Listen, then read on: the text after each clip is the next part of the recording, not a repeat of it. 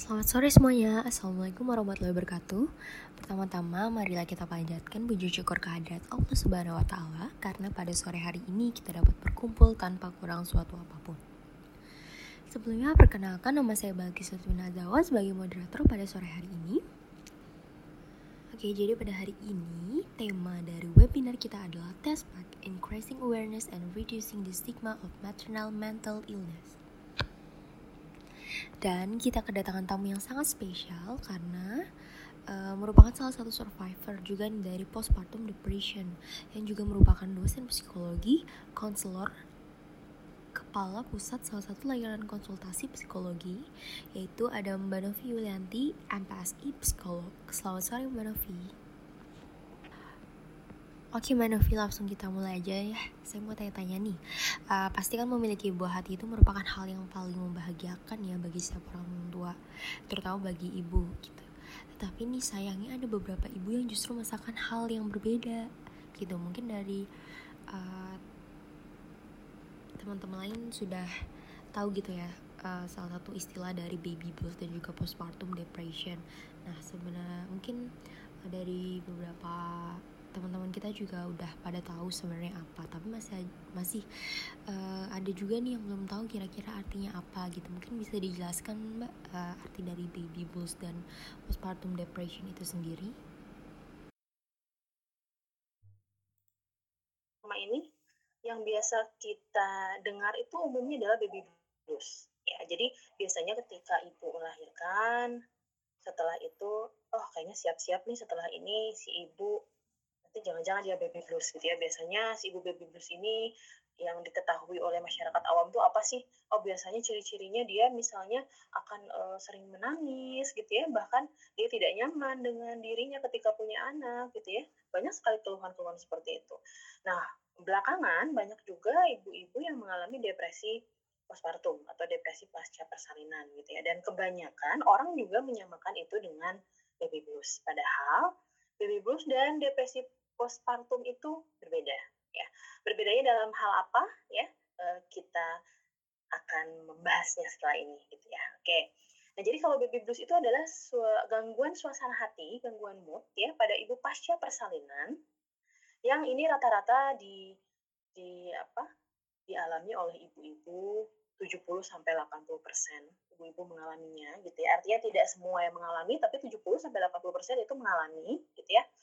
Uh, tapi untuk gejala-gejalanya ini masih uh, apa ya masih wajar lah gitu ya masih ada dalam batas normal berbeda dengan uh, depresi postpartum. Ya terjadinya karena apa? Terjadinya karena adanya yang pertama perubahan hormon. Seperti yang kita ketahui ketika ibu pasca melahirkan itu uh, apa namanya terjadi ketidakseimbangan uh, neurotransmitter yang menghasilkan hormon-hormon tertentu itu menjadi sangat labil gitu ya termasuk uh, apa berkurangnya produksi hormon serotonin misalnya ya yang membuat uh, seseorang atau ibu ini harusnya berbahagia ketika uh, sudah punya anak ya. Tapi pada ibu-ibu yang mengalami uh, gangguan mood ini gitu ya produksi hormonnya berkurang gitu. Sehingga berpengaruh sekali terhadap uh, suasana hati kemudian terhadap konsentrasi maupun terhadap perilakunya dan uh, apa interaksinya dengan bayi gitu ya.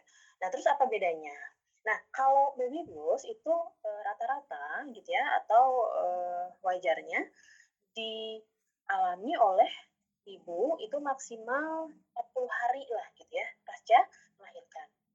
Gitu ya. Jadi uh, ketika setelah melahirkan ada tanda-tanda baby blues sampai dengan 40 hari itu masih wajar. Tapi kalau misalnya sudah lebih dari 40 hari, lebih dari 40 hari itu uh, harus dilihat, harus diobservasi, harus dicek gitu ya, harus di screening. Ini ada apa gitu ya? Karena kebanyakan ibu-ibu yang e, mengalami gejala-gejala lebih dari 40 hari ya, baby bluesnya sudah semakin intens nih gejala-gejalanya, itu e, dikhawatirkan dia masuk ke fase depresi postpartum gitu. Nah, e, kemudian e, ini masuk langsung ke gejala-gejalanya aja, Mbak Balkis. Boleh langsung Mbak. Baik.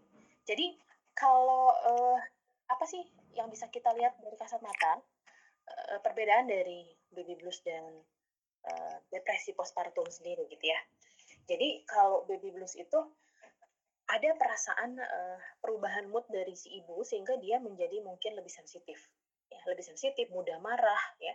Ada orang yang nanya-nanya sedikit tentang dirinya bahkan tentang bayinya ya. Bahkan pertanyaan-pertanyaan seperti misalnya e, ibu ibu e, ini melahirkannya normal apa sesar? Nah hati-hati.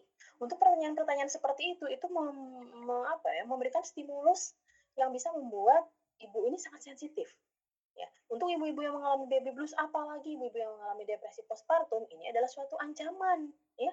Jadi kita yang sekarang sudah tahu tentang ini diharapkan hati-hati sekali sebetulnya gitu ya ketika eh, apa namanya kita berinteraksi dengan ibu pasca melahirkan gitu ya. Nah tadi ya sensitif, mudah tersinggung, uh, kemudian sulit berkonsentrasi.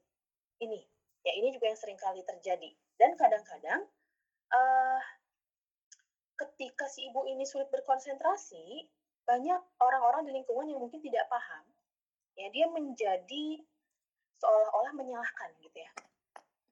Dan uh, itulah yang namanya stigma, ya stigma. Jadi stigma itu adalah uh, apa namanya juga hal yang um, mengancam bagi ibu pasca melahirkan gitu ya. Jadi katanya kalau misalnya uh, ibu melahirkan itu dia harus bahagia yang pertama. Terus yang kedua harus benar dong menjagain anak gitu ya. Jangan sampai anak tuh lalai kita pegang gitu. Misalnya ibu yang mengalami baby blues ini dia tiba-tiba uh, lagi nyusuin terus ketiduran atau misalnya dia lagi pegang sesuatu kemudian dipecahin gitu ya.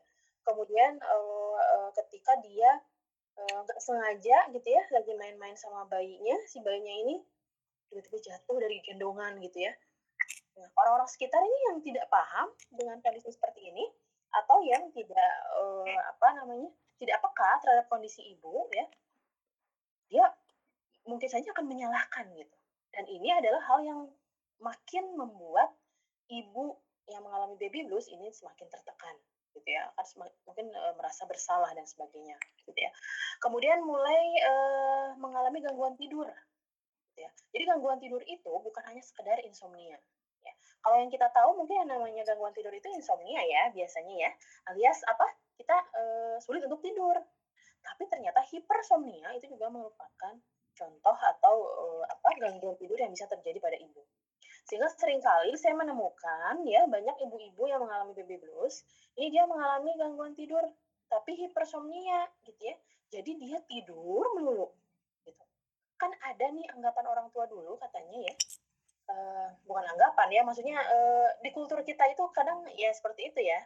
Ketika uh, apa ujangan-ujangan dari orang tua itu uh, harus sangat dipegang sekali ya walaupun tidak ada dasar ilmiahnya gitu ya.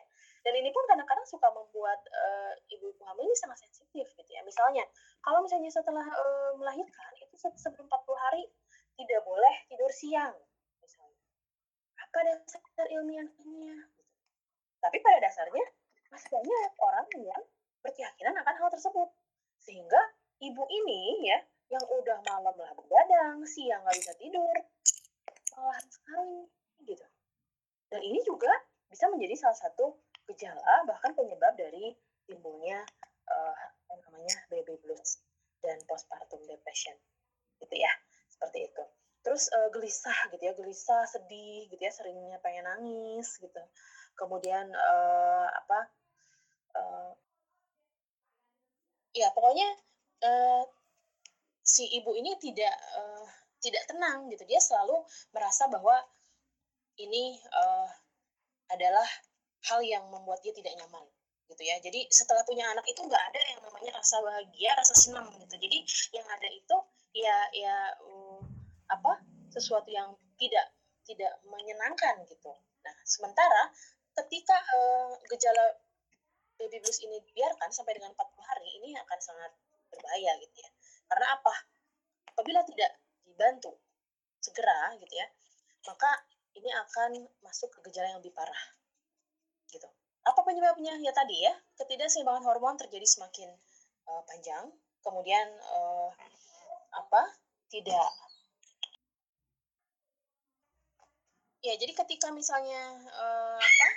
Uh, gejala baby blues ini dibiarkan, maka itu akan semakin membuat uh, apa namanya kondisi psikis ibu. Gejala-gejalanya semakin parah gitu ya sehingga nanti sudah muncul yang namanya gejala-gejala uh, seperti misalnya si ibu ini semakin lama semakin tertekan semakin merasa bahwa saya ibu yang gagal. Ya jadi rasa bersalahnya semakin tinggi gitu ya. Apalagi kalau lingkungan betul-betul tidak mensupport gitu ya. Terus menyalahkan terus menstigma tidak ada yang berusaha memahami tidak ada yang berusaha mendorong untuk mencari bantuan gitu ya sehingga gejala-gejala ini akan semakin uh, berat gitu. Kemudian uh, perasaan sensitif mudah marahnya juga ini uh, apa namanya akan semakin uh, sorry bukan mudah marah. Sensitif ya sensitif mudah tersinggung gitu ya ini akan semakin semakin kuat gitu gejalanya Kemudian gangguan tidur juga akan semakin uh, apa? Semakin meningkat, ya. Sehingga kelelahannya semakin berat, gitu. Ya, jadi tidak hanya fisik, uh, sorry, tidak hanya psikis, tapi juga secara fisiknya juga sudah betul-betul sangat uh, apa namanya berat sekali gitu dihadapi oleh ibu postpartum depression dan uh, satu lagi sebetulnya yang membuat saya sebagai survivor juga gitu ya merasa bahwa masa sih ada orang atau ibu yang nggak nggak mau megang bayinya? Tapi itu ternyata ada. Karena ibu pada uh, pada ibu yang memiliki gejala depresi postpartum itu akan kehilangan minat dalam merawat bayi.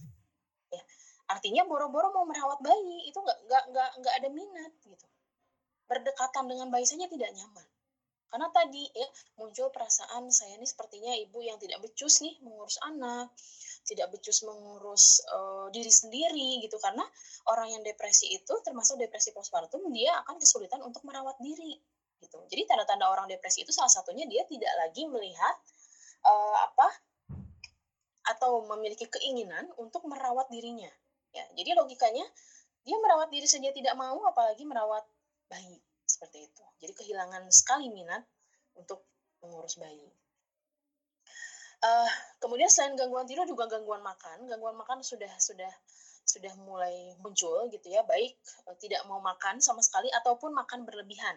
Ini juga uh, betul-betul uh, apa namanya menjadi gejala yang serius pada ibu yang mengalami depresi postpartum. Nah, perasaan-perasaan ibu yang gagal, perasaan-perasaan ibu yang merasa bersalah ini uh, membuat ibu akhirnya punya pikiran untuk melukai diri bahkan bunuh diri gitu. Jadi kalau kita kembali ke uh, apa gejala depresi secara umum bahwa orang gejala depresi itu memang pasti dia berpikir suicide ya. Jadi ada keinginan untuk bunuh diri gitu ya. Self harm apalagi gitu ya. Gitu ya. Jadi pada ibu juga seperti itu ya karena saya tidak berguna, karena saya gagal jadi ibu. Saya apa sih ibu yang seperti apa sih kata orang juga saya ibu yang gak baik gitu ya. Saya nggak punya keinginan buat dekat sama anak. Ibu macam apa saya misalnya seperti itu. Ya dan akhirnya dia muncul berulang kali keinginan untuk bunuh diri seperti itu. Kemudian kalau uh, tadi ya penyebabnya itu kan saya uh, apa bahas secara uh, biologisnya gitu ya bahwa ada neurotransmitter yang uh, tidak seimbang lalu hormon yang diproduksinya pun menjadi sangat uh, sedikit terutama hormon serotonin tapi pada dasarnya penyebab dari depresi postpartum ini adalah uh, sebetulnya tiga komponen yang kita biasanya adalah biopsikososial ya. Kalau tadi bio, biologinya, biologisnya, sekarang psikologisnya gitu ya. Jadi psikolo, penyebab psikologisnya itu uh, adalah ya kondisi psikis uh, kondisi psikis dari ibu sendiri gitu ya. Karena tadi ya, jadi ada perasaan bersalah, ada perasaan tidak berguna gitu ya. Kemudian ada perasaan uh, apa? merasa sebagai ibu yang gagal merasa saya tidak didukung itu juga. Ya kemudian eh, di samping itu ada juga faktor lain yang sangat krusial gitu ya bahwa orang yang eh, sangat rentan mengalami depresi persalinan ini biasanya adalah orang yang ketika hamil dan mengalami kecemasan ya bahkan kecemasannya berlebih tapi tidak terdeteksi. Gitu. nah ini yang sering kali menjadi eh, apa namanya akibat yang buruk gitu coba aja ketika uh, ibu hamil, ibu sedang hamil itu bisa dideteksi kecemasannya. Misalnya ada ibu yang uh, cemas berlebihan. Itu sebaiknya uh, tenaga kesehatan itu betul-betul peka gitu. Makanya kami sebetulnya dari Mother Indonesia itu sedang audiensi dengan Kementerian Kesehatan ya untuk memasukkan screening uh, apa namanya screening kondisi psikis ibu ya masuk ke dalam KIA ya KIA itu adalah kartu ibu dan anak yang biasanya dipegang oleh ibu hamil ketika dia kontrol ke bidan maupun ke objin gitu ya. Biasanya dia pegang kartu ibu dan anak. Nah selama ini KIA itu yang diterbitkan Kemenkes itu dia isinya hanya uh, apa ya evaluasi tentang ini apa tentang kondisi ibu dan janinnya saja gitu. Tapi kondisi psikisnya belum muncul. Makanya kami betul-betul apa ya mengajukan bahwa kondisi psikis ibu hamil itu sangat penting untuk dideteksi. Bidan dokter perawat itu harus tahu dan harus bertanya. Karena kecemasan yang terjadi ketika masa kehamilan, apalagi kecemasan itu terjadi selama 9 bulan gitu ya, itu membuka kemungkinan atau membuka peluang ya saat ibu itu lahir, e, ibu itu melahirkan, dia akan rentan sekali mengalami baby blues, terutama postpartum depression. Ya.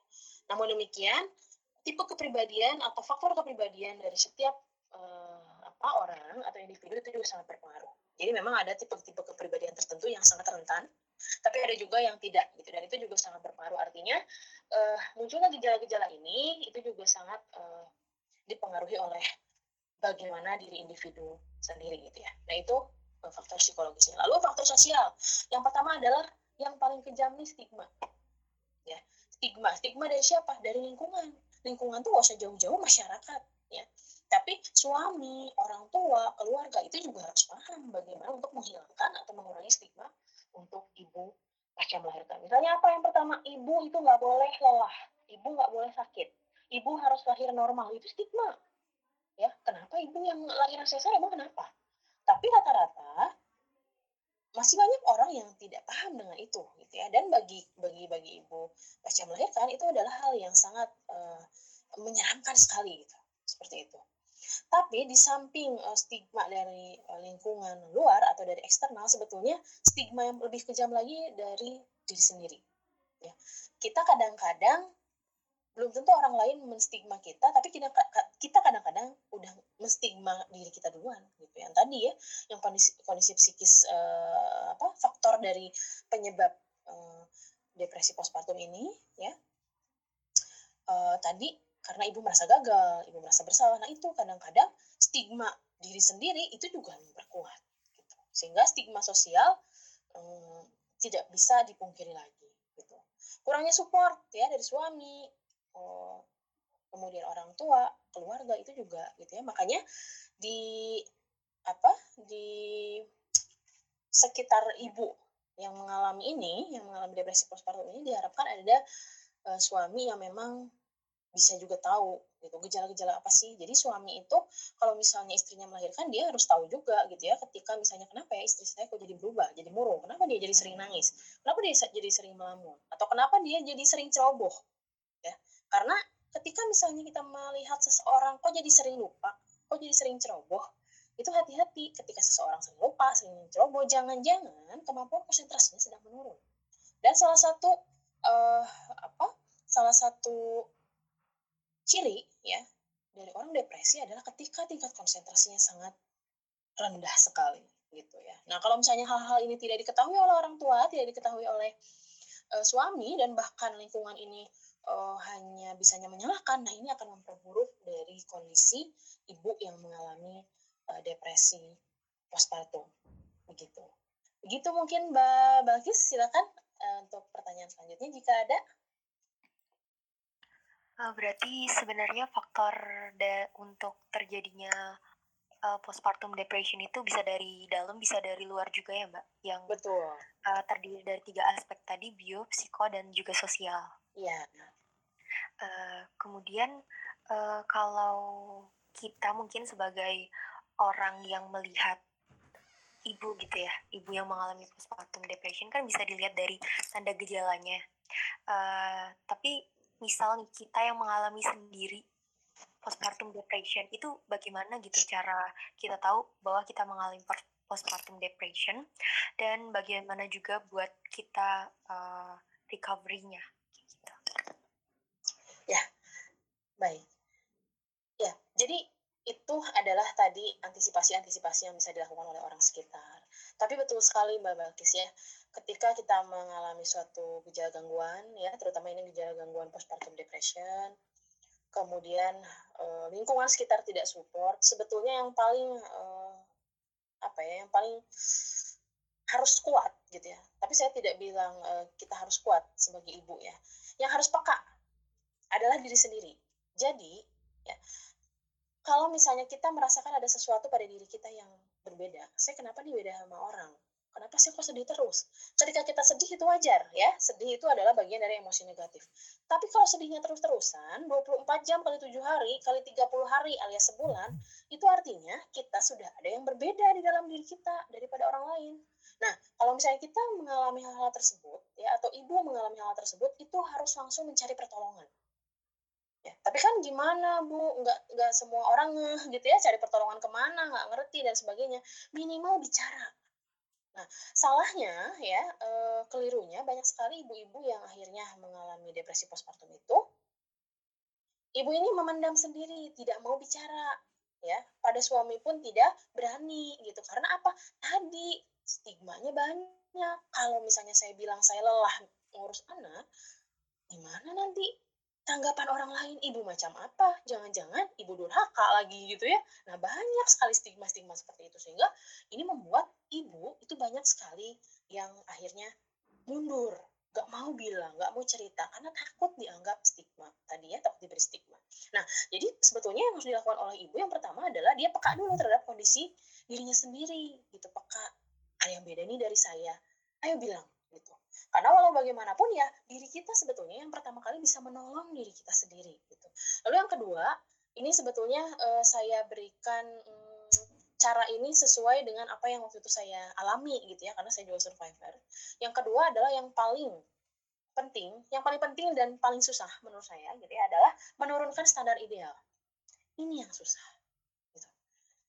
Jadi ibu-ibu ini bisa sampai dia mengalami gejala-gejala, itu dominannya itu mereka juga memiliki standar ideal yang tinggi terhadap siapa? Bukan terhadap orang lain, bukan terhadap bayi, tapi terhadap dirinya sendiri. Gitu ya. Jadi saya harus ASI, oke, okay, saya harus full ASI, iya. Tapi kalau misalnya nggak bisa, gimana? Ya tapi kan saya harus ASI karena ASI itu yang terbaik gitu ya, nggak boleh sulfur. Nanti kalau misalnya anakku minum uh, susu kaleng disebut anak sapi, nanti kalau misalnya uh, aku nggak lahiran uh, normal disebutnya aku bukan ibu yang uh, apa ibu yang sejati ibu yang seutuhnya malu gitu ya. Dan akhirnya memendam sendiri. Atau misalnya nggak boleh lelah ibu itu harus ya gimana resiko kok jadi ibu? gitu ya harus bisa segalanya. Harus uh, strong gitu. Nah itu kita nggak bisa kayak gitu. Belum lagi misalnya si ibu ini di rumah pekerjaan rumah tangganya tidak ada yang mengurus misalnya. Saya harus melakukan ini ini harus beres dalam waktu uh, sebelum sore saya harus uh, nyuci piring, saya harus nyuci baju, tapi anak juga harus saya handle. Semuanya harus saya lakukan dalam satu waktu. Itu contohnya seperti itu. Nah, itu harus diturunkan hal seperti itu. Artinya standar ideal boleh ya, karena di mana pun juga e, ibu ingin atau orang tua ingin yang terbaik bagi anak. Tapi ketika uh, apa ya, standar-standar ideal itu tidak bisa dipenuhi ya oleh diri kita sendiri, ya atau misalnya anak kok uh, dia dia nggak mau ya, dia nggak mau menyusui ya, kenapa ya gitu terus akhirnya kita paksa-paksa terus akhirnya kita uh, selalu men menampilkan atau misalnya selalu membuat standar ideal yang harus harus dan harus gitu ya. Nah ini uh, juga berpengaruh gitu terhadap diri sendiri. Terus sehingga nanti gejala-gejalanya terus muncul gitu ya.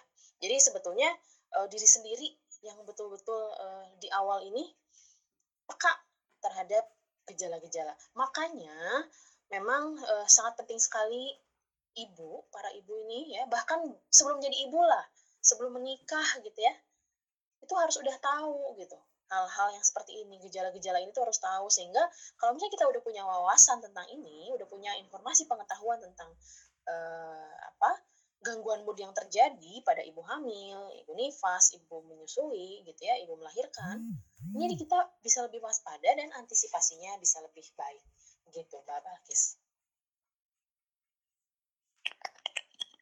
Uh, ya, uh, terima kasih Mbak Novi. Mungkin uh, ingin bertanya lagi uh, terkait yang tadi telah dijelaskan Mbak Novi. Uh, sepertinya hanya membahas terkait apabila ibu saja gitu ya yang terkena uh, postpartum depression. Nah, sedangkan dari ayahnya sendiri gitu Mbak, apakah bisa terkena postpartum depression atau tidak? Baik, ya.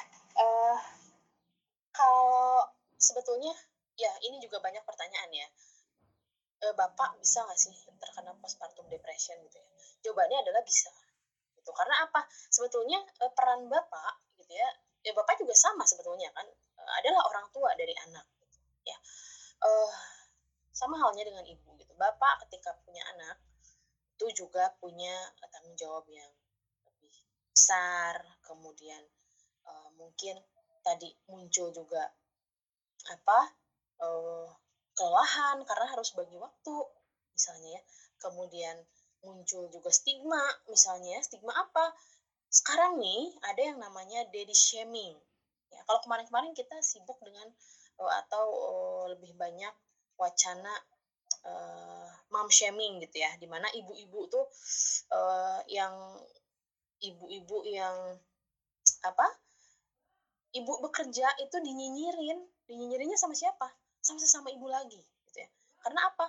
Karena ibu bekerja tuh katanya menelantarkan anak, gitu ya. Ibu yang pakai ART, ibu yang pakai neni, ibu yang pakai babysitter itu bukan ibu yang Eh, sayang sama anak itu mom shaming itu seperti itu gitu ya artinya eh, si ibu ini di, diberikan stigma-stigma negatif gitu ya oleh orang lain nah eh, untuk bapak sendiri ini juga banyak sekarang apalagi ya dead shaming itu sekarang lagi lagi lagi booming dibicarakan. Kenapa? Katanya bapak tuh harus bisa uh, apa um, harus bisa diberi tugas atau harus bisa berbagi tugas dengan ibu gitu ya. Dalam hal apa? Dalam hal mengasuh bayi dalam hal mengerjakan pekerjaan-pekerjaan domestik.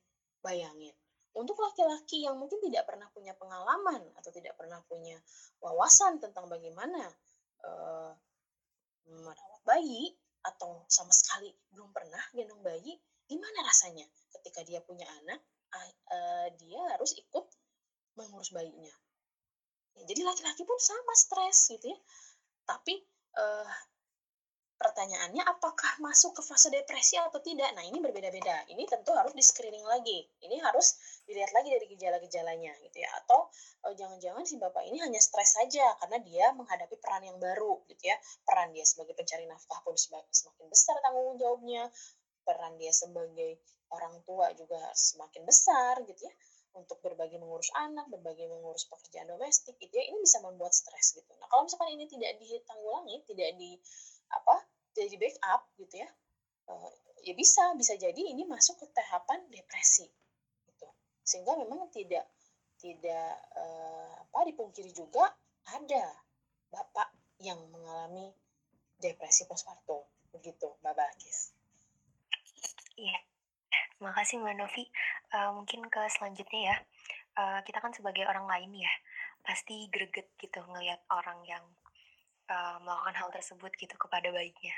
Nah, uh, bagaimana sih cara kita buat membantu orang tersebut, uh, baik dari perspektif sang ibu, keluarga, dan juga kita sebagai mahasiswa kedokteran? Seperti itu, Mbak. Ya, baik. Pertanyaannya sangat bagus sekali ya. Karena apa? Karena ini adalah hal yang perlu sekali diketahui oleh banyak orang gitu ya uh, terkait dengan bagaimana ketika orang lain gitu ya melihat ada perilaku ibu yang uh, mungkin orang nggak tahu itu baby blues, orang nggak tahu itu postpartum depression, sehingga hanya langsung menjudge, ya, hanya langsung memberikan stigma. Yang pertama adalah kita harus uh, ya ini, kita harus mencari wawasan dulu tentang ini, ya, tentang uh, apa sih, kenapa sih ibu itu sampai kayak gitu, ya. Makanya uh, kalau sekarang itu apa ya, sekarang itu kita jangan jangan malas buat mencari informasi karena informasi itu sudah sangat banyak gitu ya. Jadi ketika kita menghadapi atau melihat suatu fenomena, sebaiknya kita cari dulu kenapa dia seperti itu, tidak langsung memberikan judgement gitu ya. Kan sekarang tuh eh, banyak sekali istilah uh, apa ya bibir netizen itu katanya sekarang uh, nyakitin ya. Jadi sekarang kalau misalnya ada ada uh, apa ada fenomena ibu seperti itu, wah berita aja tuh misalnya berita di mana ya di akun berita ataupun di akun gosip gitu ya. Terus nanti uh, kita atau kita suka lihat tuh orang tuh langsung menjudge gitu ya. Ibu misalnya hmm, uh, apa namanya setelah melahirkan anaknya di ini ini ituin dan sebagainya gitu. Kita langsung menjudge gitu. Kita langsung tersulut emosi gitu sehingga kita ikut ikutan komentar. Atau misalnya ketika kita melihat langsung nih ibu-ibu yang seperti itu kita nggak kuat banget untuk diem. Akhirnya kita uh, cibirin ibu itu ke orang lain ke teman kita atau langsung ke ibunya sendiri Nah, uh, kita harus melihat dulu fakta-faktanya gitu ya. Kenapa gitu. Dan lagi yang banyak sekali diberitakan seperti misalkan uh, mungkin Mbak Balkis juga atau teman-teman yang lain pernah pernah mendengar gitu ya ketika di berita ada uh, ibu me membunuh bayi ya kemudian ibu menenggelamkan bayi ke bak mandi pernah dengar mbak Balkis terus ibu mengubur bayi hidup-hidup pernah dengar beritanya Nah, itu itu langsung ya. Langsung deh kita uh, mikirnya wah ibu tuh nggak bersyukur, orang itu susah sekali punya anak, ini ibu kok kurang ajar sekali gitu ya. Kok ibu tidak bersyukur dan sebagainya gitu ya. Akhirnya kita menstigmakan seperti itu. Uh, padahal belum tentu dia tidak sayang pada anaknya. Belum tentu dia uh, sekejam itu karena memang dirinya kejam. Bisa jadi di balik itu ada gangguan-gangguan yang mungkin dia alami. Tapi saya garis bawahi bahwa uh, apa kejadian-kejadian yang barusan saya contohkan yang ada di berita-berita itu itu bukan uh, bukan ciri dari depresi postpartum. Ya jadi biasanya ibu yang mengalami depresi postpartum itu dia tidak akan menyakiti atau membunuh anaknya gitu ya. Paling memungkinkan adalah ketika dia menyakiti atau membunuh anaknya setelah itu dia akan bunuh diri. Jadi berdua. Tapi bukan menyakiti anaknya saja ya karena nanti kita ada lagi eh, apa namanya tipe yang lain gitu ya namanya psikosis postpartum. Kalau psikosis postpartum itu itu sudah ada halusinasi. Sudah ada halusinasi sudah ada uh, apa namanya delusi gitu. Bagaimana ibu ini mungkin merasa ada yang ngebisikin nih gitu ya. Jadi uh, kenapa saya tiba-tiba ada yang ngebisikin uh, nyuruh saya untuk membunuh anak, nyuruh saya untuk melempar anak dan sebagainya. Itu beda lagi. Kalau misalnya ada bisikan-bisikan seperti itu, ada hal-hal uh, apa namanya gejala psikosis itu masuknya bukan depresi postpartum tapi psikosis postpartum gitu ya. Nah, jadi kembali lagi ke yang tadi bahwa kita tidak boleh pertama kali uh, apa namanya langsung menjudge, kita cari dulu fakta-faktanya. Apalagi saya yakin di sini teman-teman di sini semua adalah ilmuwan. Ya mahasiswa itu kan ilmuwan ya. Betul tidak? ya jadi mahasiswa itu ilmuwan ilmuwan itu kita nggak bisa uh, seenaknya ketika ada fenomena tertentu kita langsung menjudge. Kita harus cari dulu data faktanya itu apa gitu. Ya evidence base nggak bisa kita langsung menjudge. Sama halnya ketika kita melihat fenomena itu seperti itu. Jadi kita harus cari dulu faktanya. Nah bersyukur kalian teman-teman uh, apa namanya mahasiswa di sini sudah tahu uh, tentang informasi ini sehingga nanti kalau misalnya ketemu dengan ibu yang mungkin uh, mengalami atau menunjukkan gejala-gejala seperti itu tidak langsung menjudge. Ya coba kalau misalnya orang dekat misalnya ya kalau misalnya yang mengalami hal ini orang dekat ajak bicara. Tanya minimal tanya bagaimana sih perasaanmu hari ini? Nah itu itu pertanyaan yang mudah sebetulnya pertanyaan yang sederhana tapi itu kadang-kadang atau sering luput ya dari keseharian kita. Benar nggak? Gitu ya. Jadi kita lebih banyak menanyakan ke orang itu adalah nanyain tentang uh, apa ya tentang uh, bagaimana uh, apa sih uh, jadi gini kayak misalnya kita ketemu ibu yang baru melahirkan gitu ya kita biasanya akan tanya gimana anaknya? Anaknya sehat? Anaknya berapa? Uh, berapa kilo nih sekarang? Oh sekarang uh, asinya banyak ya. Loh kok asinya sedikit? Yang semua ditanya itu tentang anaknya aja gitu ya. Nah sebaiknya gitu ya kita nih karena udah tahu tentang informasi ini tentang wawasan ini kita kalau misalnya nanti ketemu ibu yang belum melahirkan coba tanya juga deh gimana perasaannya? Gimana sekarang uh, udah udah baikan udah enakan uh, sejak melahirkan? Udah misalnya gitu ya. Gimana hari ini? Senang gak hari ini? Tanya perasaannya gitu. Karena apa? Bagi ibu-ibu yang uh, apa namanya habis melahirkan terutama yang menunjukkan gejala-gejala seperti ini itu tuh sebagai uh, apa ya ibaratnya itu adalah uh, air di tengah gurun gitulah. Jadi uh, wah kayaknya sejuk banget gitu ya.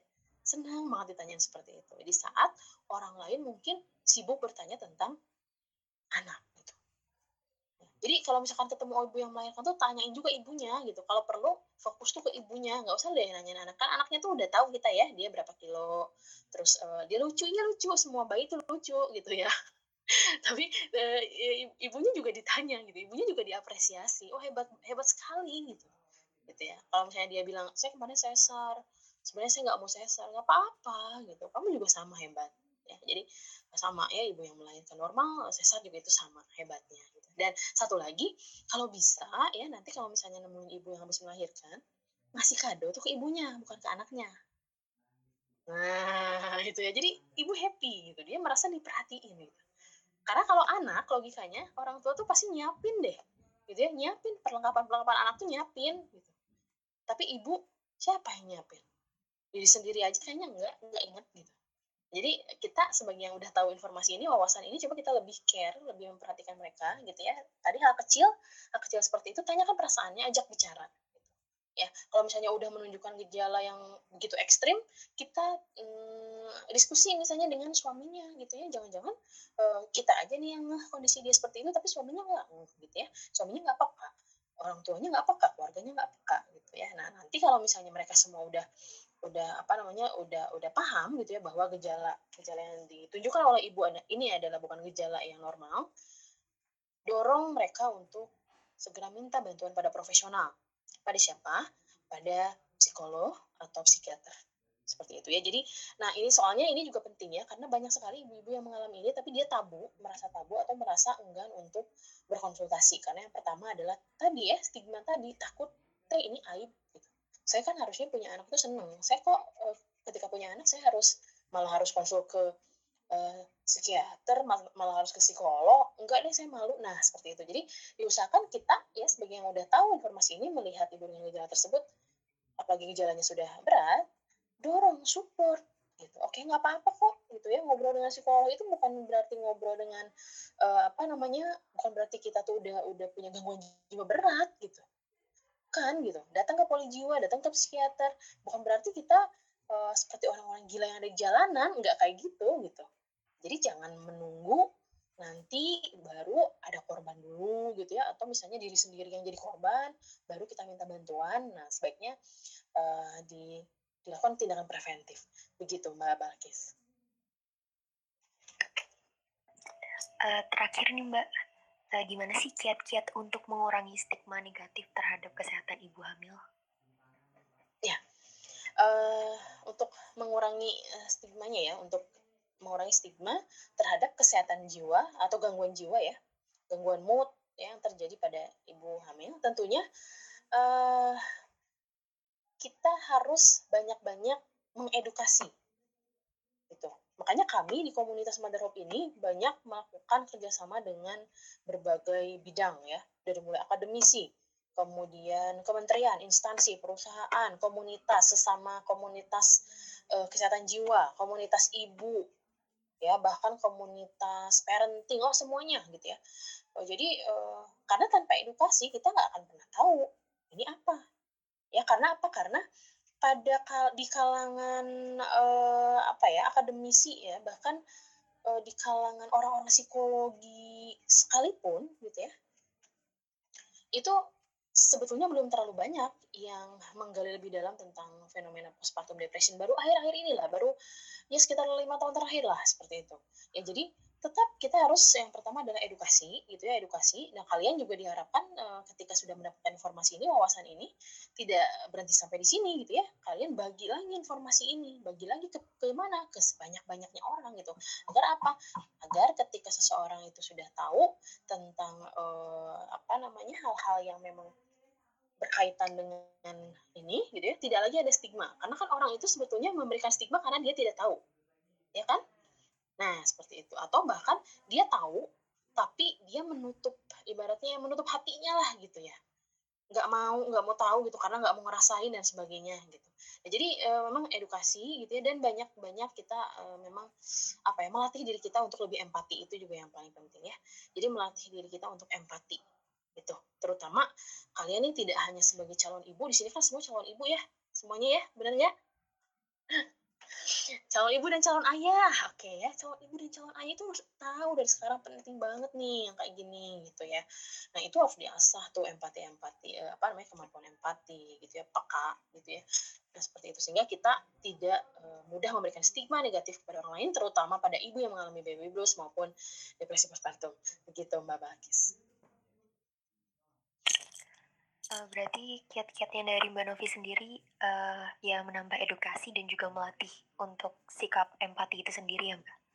Ya, betul. Terima kasih kepada Mbak Novi atas sharing-sharingnya. Uh, dari Mbak Novi ada sedikit pesan-pesan atau closing statement seperti itu? Ya, uh, jadi apa ya? Menurut saya kalian itu sebetulnya adalah uh, walaupun belum menjadi ibu gitu ya belum men, belum menjadi ayah tapi sebetulnya kalian itu adalah uh, orang-orang yang bisa atau sekarang sekarang udah tahu nih tentang informasi ini ya. Para teman-teman mahasiswa ini bisa uh, menjadi orang-orang yang uh, kita sama-sama yuk mengurangi stigma negatif terhadap ibu yang mengalami gangguan mood terutama pada ibu hamil pada ibu uh, apa namanya uh, setelah melahirkan gitu ya. Jadi bantu kami gitu. Bantu kami. Kami hanya komunitas. Kami di sini hanya uh, apa namanya usahanya juga hanya sebagian kecil. Karena pada dasarnya yang nantinya mengaplikasikannya itu adalah yang meneruskan informasi psikoedukasi ini adalah orang uh, di masyarakat gitu. Termasuk kalian gitu ya. Apalagi kalian uh, ini kan calon uh, tenaga kesehatan ya yang uh, apa ya profesi yang sangat mulia gitu ya.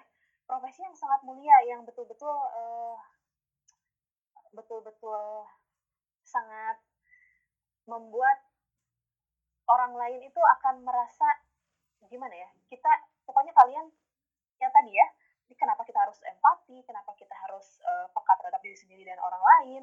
Nah itu. Jadi kalian itu nanti harus harus punya skill itu gitu. Karena itulah yang paling penting yang harus kalian miliki gitu. Ya ayo kita bareng-bareng menurunkan atau menghilangkan stigma negatif terhadap uh, ibu yang mengalami baby blues dan postpartum depression begitu mbak Bagis ya. Baiklah, terima kasih kepada Mbak Novi dari komunitas Motherhood Indonesia yang telah menyempatkan waktunya untuk sharing dan berbagi bersama kami di sini. Semoga ilmu yang dibagi pada sore ini dapat bermanfaat dan kita mampu untuk menghilangkan atau paling tidak mengurangi stigma terhadap postpartum depression di masyarakat. Saya selaku moderator undur diri. Wassalamualaikum warahmatullahi wabarakatuh.